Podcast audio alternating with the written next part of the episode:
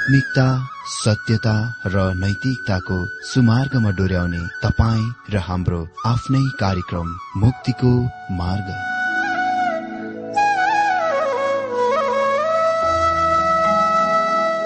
आदरणीय श्रोता यस मुक्तिको मार्ग कार्यक्रममा हार्दिक स्वागत छ। आशा छ यस आत्मिक कार्यक्रमद्वारा जीवनमा आत्मिक आशिष अलौकिक शान्ति र आनन्द प्राप्त गर्नुहुनेछ। र जीवनमा धन्य अनुभव गर्नुहुनेछ। आउनुहोस् श्रोता। मन र आत्माको तयारीको लागि यो मिठो अनि मधुर भजन गीत सुनौ।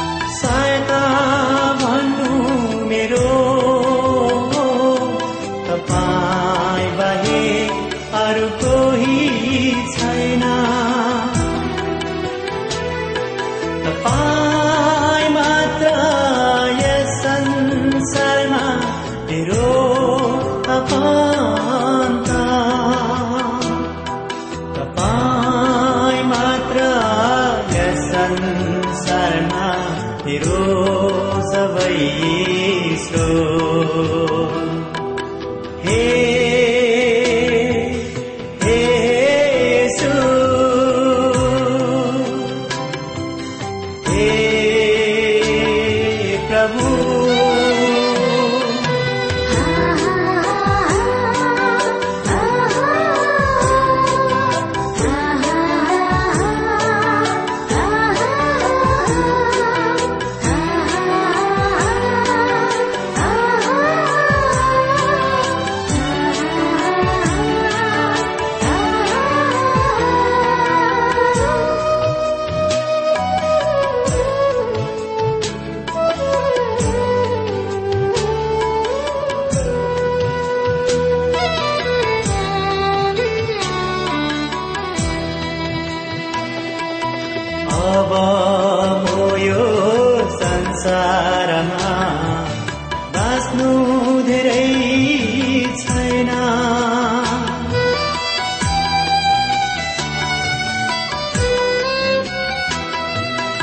ஆவா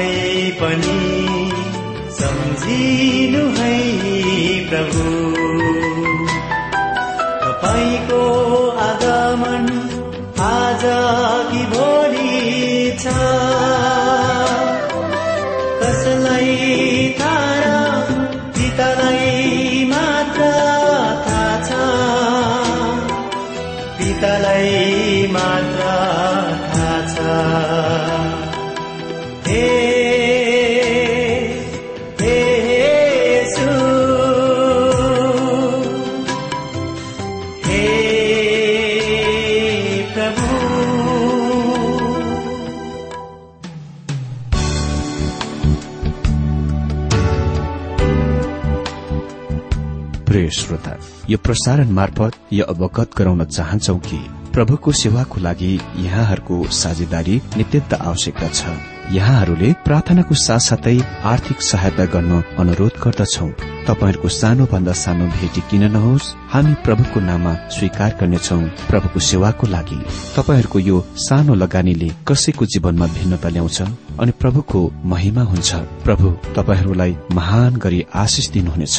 इच्छुक श्रोताहरूले तपाईँको इच्छा भेटी हाम्रो ठेगानामा पठाउन सक्नुहुन्छ जुन ठेगाना हामी कार्यक्रमको अन्तमा दिनेछौं। प्रिय श्रोता मित्र प्रभु येशु ख्रिस्टको मधुर अनि सामर्थ्य नाममा मेरो जयमसी तथा हार्दिक स्वागत छ आजको यो बाइबल अध्ययन कार्यक्रममा। श्रोता आज हामी बाइबल अध्ययन तेस्रो युहन्ना एक अध्यय नौ पददेखि एघार पदबाट देख्नेछौ।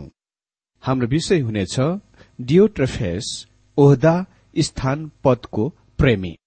गायस प्रारम्भिक मण्डलीमा एक महान चुने गिनेका प्रभुका जन थिए। तपाई काम नै गर्न सक्नुहुन्थ्यो कि प्रारम्भिक मण्डलीमा सबै मानिसहरू ऊ जस्तै थिए। तर मित्र सबै मानिसहरू ऊ जस्तै आत्मिक प्रभु भक्त प्रभुको भय मान्नेहरू थिएनन्। अहिले हामी अर्को डियोट्रफेस भन्ने व्यक्तितिर आउँछौ र यो नै योहन्नाले उसको बारेमा भन्नेछन्। तेस्रो योहन्ना एक अध्ययको नौ पदमा लेखिएको छ मैले मण्डलीलाई केही कुरा लेखेको थिएँ तर तिमीहरूमा ठूलो हुन खोज्ने डियोत्रिफसले मेरो अधिकार स्वीकार गर्दैनौ। योहानले नयाँ नियमको पञ्चशास्त्र लेखे जस्तो कि मोसाले पुरानो नियमको पञ्चशास्त्र लेखे। योहानले सुसमाचार लेखे प्रकाशको पुस्तक लेखे र यी तीन योहन्नाका पत्रहरू लेखे। यसरी उसले जम्मा पाँचवटा पुस्तकहरू लेखे। उसले पञ्चशास्त्र लेखे। यदि प्रकाशको पुस्तक पछि युहन्नाले आफ्ना पत्रहरू लेखेका थिए भन्ने कुरा सत्य भए यो पत्र उसको विजय गीत हो। यो पहिलो शताब्दीको अन्ततिर लेखिएको थियो र त्यस समयसम्म धेरै महान र अद्भुत विश्वासीहरू सत्यमा र मण्डलीमा ल्याइएका थिए। तर मित्र म तपाईँलाई उही समयमा यो कुरा पनि थाहा गराउन चाहन्छु कि पहिलो शताब्दीका मण्डलीका सम्पूर्ण विश्वासीहरू साँच्चै नै महान आत्मिक प्रभु भक्त थिएनन्। कोही कोही गाइस जस्ता महान प्रभु भक्तहरू थिए। परमेश्वरका वास्तविक सत्य सन्तानहरू साहसका मानिसहरू जो परमेश्वरका कुराहरूको लागि उभिए तर उही समयमा त्यहाँ यस्ता मान्छे डियोट्रेफेस जस्ता मानिसहरू पनि थिए। उनी गायसबाट अति नै भिन्नै अलग किसिमका व्यक्ति हुन्। यो व्यक्ति उच्च पद प्रमुखताको पाउन लालची थिए ओहदाको लालची थिए। गायस आनन्द दिने भाइ हुन् तर डियोट्रेफेस चाहिँ अनन्य शासक हुन्। यो पनि भनिएको छ कि उसले प्रेत योहन्नालाई पनि विरोध गरे।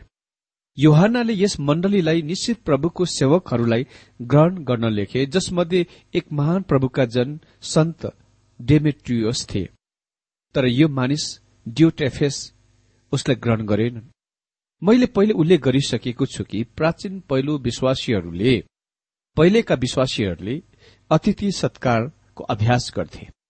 पत्रुसले पहिलो पत्रुस चार दिएको नौ पदमा लेखे यसको उल्लेख गरेका छन् गनगन नगरिकन एकले अर्कालाई अतिथि सत्कार गर। पाउले पनि पहिलो तिमोथी पाँच अध्यय नौ र दश पद रोमी बाह्र अध्यय तेह्र पद र तितस एक अध्ययको आठ पदमा यसको बारेमा उल्लेख गर्छन्।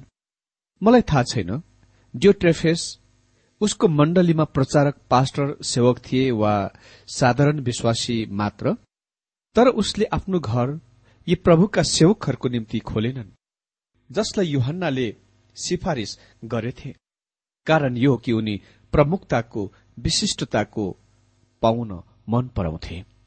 उसको मोटो थियो लक्ष्य थियो शासन गर वा नष्ट गर।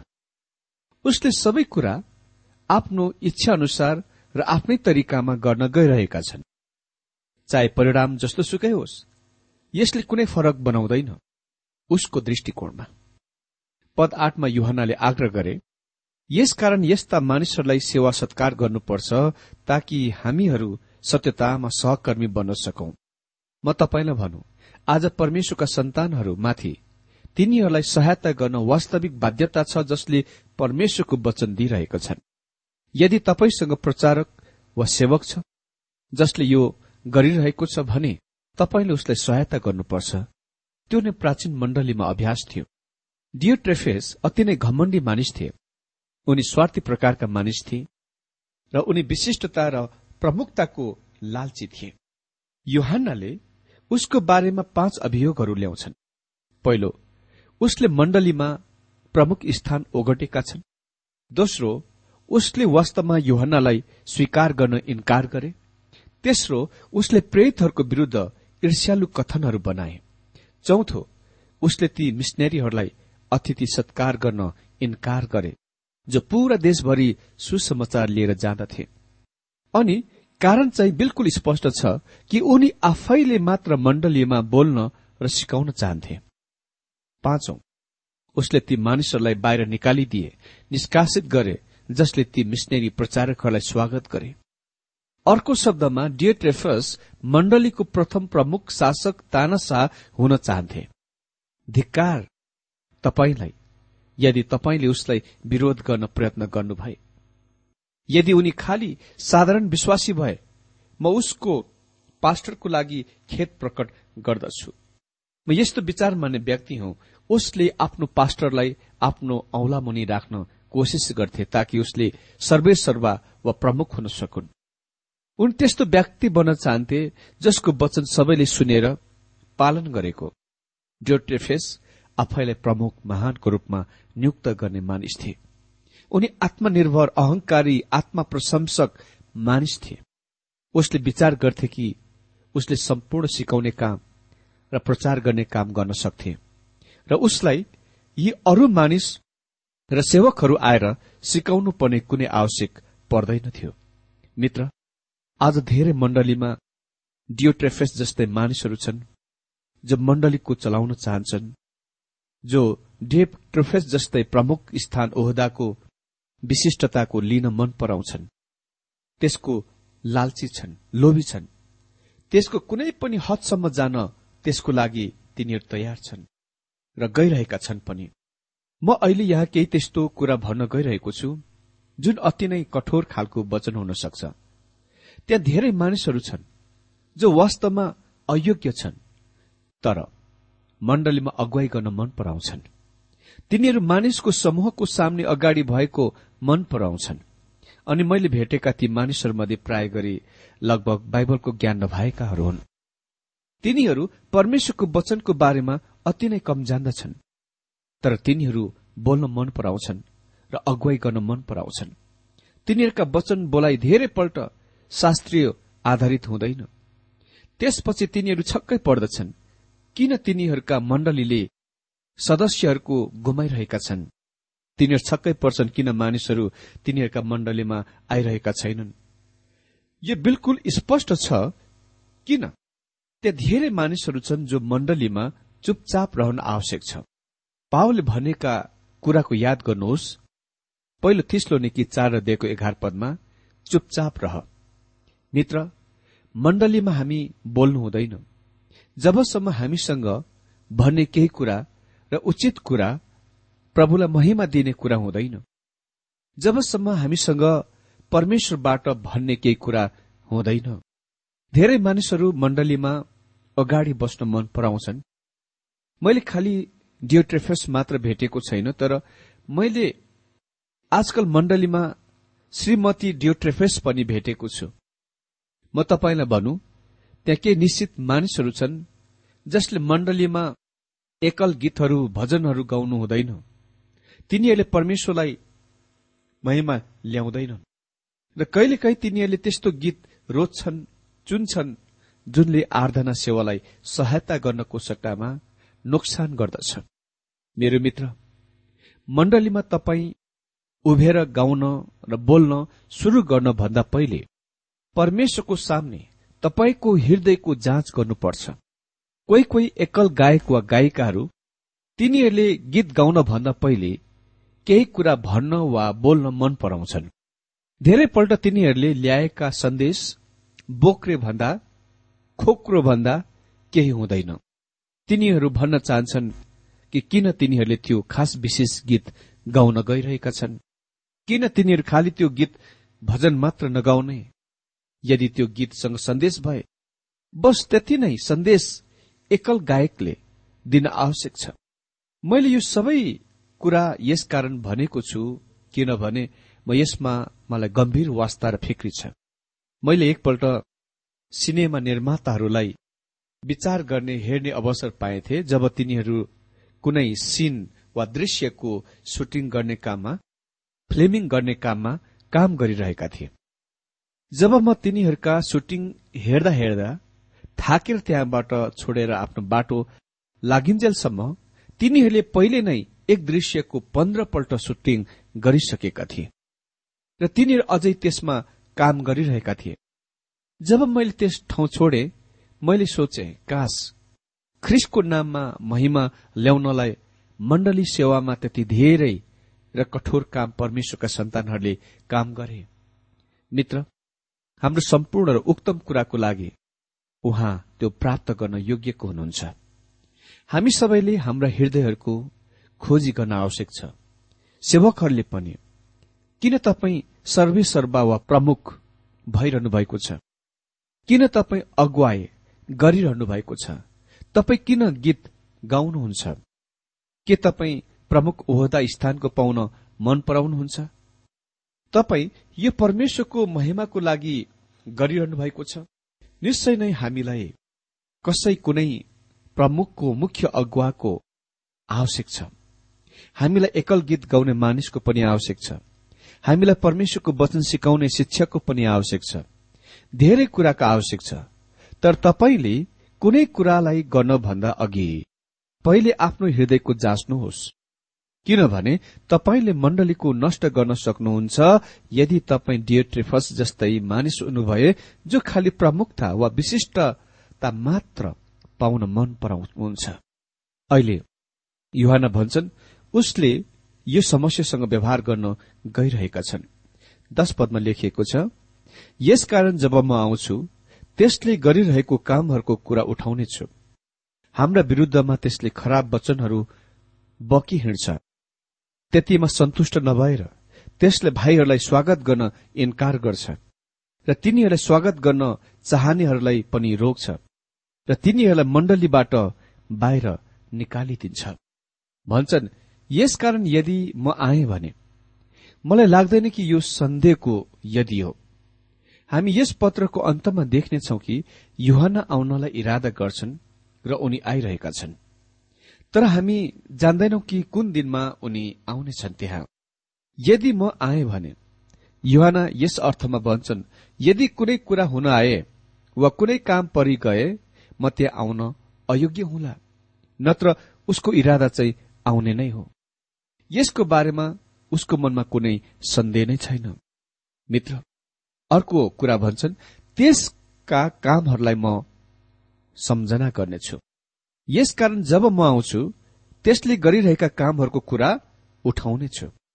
मित्र ख्रिस्टियानिटीमा महत्वपूर्ण शब्द सत्य हो अनि सत्य आपसे आप प्रेममा प्रकट हुन्छ। डेटेफलेसले प्रमुखता वा विशिष्टताको मात्र पाउन चाहना र मन पराउँथे जुन शरीरको विशेषता हो। शरीरको चरित्र चित्रण गर्ने कुरा हो। आत्माको फल नम्रता दिनता हो। तर डियोट्रोफेस ताना साथे। नम्रताको मतलब यो अर्थ कमजोरी वा कायर होइन। कसैले भनेका थिए मौन चाहिँ सुनौलो हो तर कहिले कहीँ पहेँलो हो। यो अति नै खराब कुरा हो कि त्यस मण्डलीमा डियोट्रोफेसको विरूद्धमा बोल्ने कुनै मानिस थिएनन्। मोसालाई अति नै नम्र व्यक्तिको रूपमा विचार गरिन्दथ्यो। तर जब उनी उठेर इसरायलका सन्तानहरूसँग बोल्थे नम्रताको सम्बन्धमा हाम्रो विचार अनुसार उनी नम्र मानिस जस्तो सुनै र देखा पर्दैनथे। मोसा परमेश्वरले दिनुभएको अधिकारसँग बोल्थे। हाम्रा प्रभु येशु दिन र नम्र हुनुहुन्थ्यो तर उहाँ जानु भएर मन्दिरलाई शुद्ध गर्नुभयो। त्यहाँका व्यापारीहरूलाई धपाउनुभयो। यही नै कारण मलाई लाग्छ मैले यस विषयमा बोल्नुपर्छ किनभने त्यति धेरै विश्वासीहरू यसको विषयमा बोल्दैनन् चुपचाप रहन्छन्। जब यी कुराहरूले हाम्रा मण्डलीहरूलाई चोट र नोक्सान पुर्याइरहेको हुन्छ कसैले भन्नै पर्छ चुपचाप बस। तिमीहरूले हरेक कुरा बर्बाद गरिरहेका छौ।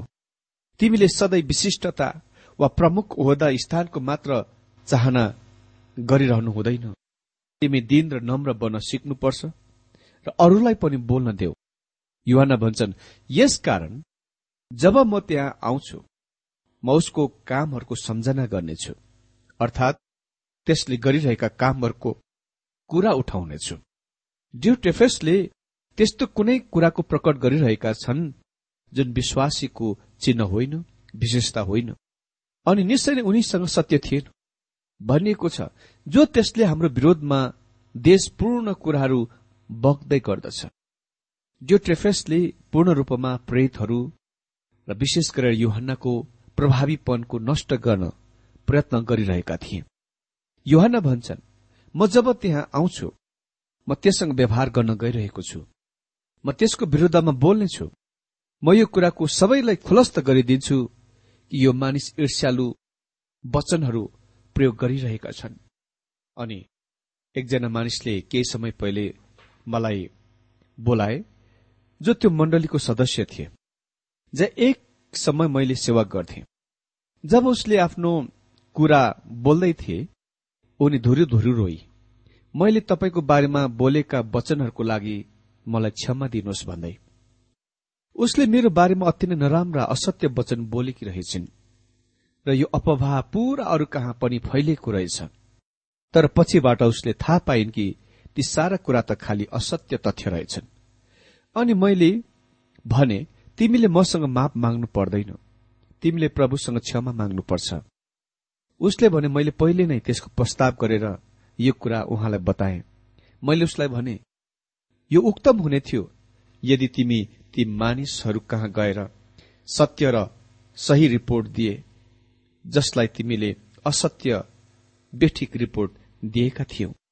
उनी ड्युटेफेस जस्तै थिए। उसले अधिपत्य गर्ने काममा प्रमुख हुने कामको मन पराउँथे। उसले आफ्नै तरिकामा चल्ने र चलाउने कामको मन पराउँथे अनि पछिबाट उसको जीवनमा परिवर्तन आयो। उनी अहिले अर्को मण्डलीमा छन् र मलाई थाहा छ कि अहिले उसले असल काम गरिरहेका छन्। म त्यस कुरामा आनन्द गर्दछु। तर उनी ड्युटेफेस थिए। मलाई लाग्दछ कि जब म त्यहाँ थिएँ मैले उसलाई कठोरसँग व्यवहार गर्नुपर्ने थियो। किनभने युहना भन्छन् म ड्युटेफेससँग व्यवहार गर्न इरादा गर्दछु। अनि त्यतिले पनि सन्तुष्ट नभएर ऊ आफूले पनि भाइहरूलाई ग्रहण गर्दैन र ग्रहण गर्ने चाहनेहरूलाई पनि रोक्छ अनि मण्डलीबाट निकालिदिन्छ। यस व्यक्तिको कल्पना गर्नुहोस् त। उसले प्रत्येकलाई पनि निकालिदिन्थे जसले यी मानिसहरूलाई खानपान गराउँथे। जसलाई युहानले सिफारिस गरेका थिए। ओ यो कस्तो भयानक तस्विर यदि तपाईँ मण्डलीको नष्ट गर्न चाहनुहुन्छ भने त्यो जस्तै मानिस वा यो जस्तै सानो झुण्ड समूह पाउन काफी छ र तपाईँ मण्डलीको नष्ट गर्नुहुन्छ। निराशमय अवस्था आज यो छ कि ख्रिस्टियन जगतमा पनि यस्ता धेरै मानिसहरू छन्। धेरै मण्डलीमा यो दयनीय कुरा हो। यदि तपाईँ चाहनुभयो युहनालाई प्रेमको प्रेत भनेर बोलाउन सक्नुहुन्छ। तर प्रभु येशुले उहाँलाई गर्जनको पुत्र पनि भन्नुभयो। मलाई लाग्छ तिनीहरूले नियमित निरन्तर गर्जन आदि तुफान यो अति नै निराशको कुरा हो कि अन्य मण्डलीहरू यस्ता डियोटेफेसहरू जस्तासँग व्यवहार गर्दैनन्। किनभने त्यस्ताले मण्डलीको नष्ट गर्नेछन्। यदि उसलाई त्यो नै चालमा निरन्तर चल्न अनुमति दिन्छौ भने। एघार पद। प्रिय हो खराबीको अनुसरण नगर तर भलाइको अनुकरण गर। जसले भलाइ गर्दछ त्यो परमेश्वरको हो। जसले खराबी गर्दछ त्यसले परमेश्वरलाई देखेको छैन। योहानाले गायसलाई असल कामहरू निरन्तर गरिरहनलाई उत्साह दिन्छन्। फेरि उसले यो कुरामा जोड़ दिन्छन् कि जसले भलाइ र धार्मिक अभ्यासहरू गर्दछ त्यो परमेश्वरको सन्तान हो। तर जसले खराबी गर्दछ र धार्मिकताको अभ्यास गर्दैन त्यो परमेश्वरबाट जन्मेको होइन। मतलब विश्वासी होइन। मित्र आज हाम्रो अवस्था कस्तो छ?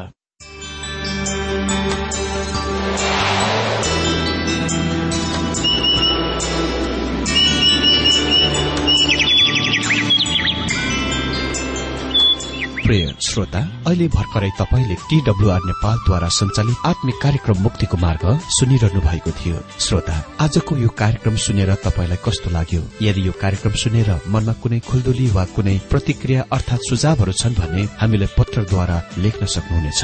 हामी हृदयदेखि नै स्वागत गर्नेछौ स्वीकार गर्नेछौ साथै बाइबल सम्बन्धित प्रचारहरू कार्यक्रम सारणीहरू हामी अनुरोधमा पठाउन सक्छौ। अनि तपाईँसँग कुनै प्रार्थनाको विषय छन् भने हामीले तपाईँको लागि प्रार्थना गरेको चाहनुहुन्छ। भने प्रभुमा आफ्नै परिवार सम्झेर हामीलाई पत्रमा लेख्न सक्नुहुनेछ। तपाईँको लागि हामी प्रभु येशुसँग प्रार्थना गर्नेछौ। अधिक जानकारी र पत्रचारको लागि हाम्रो ठेगाना यस प्रकार छ।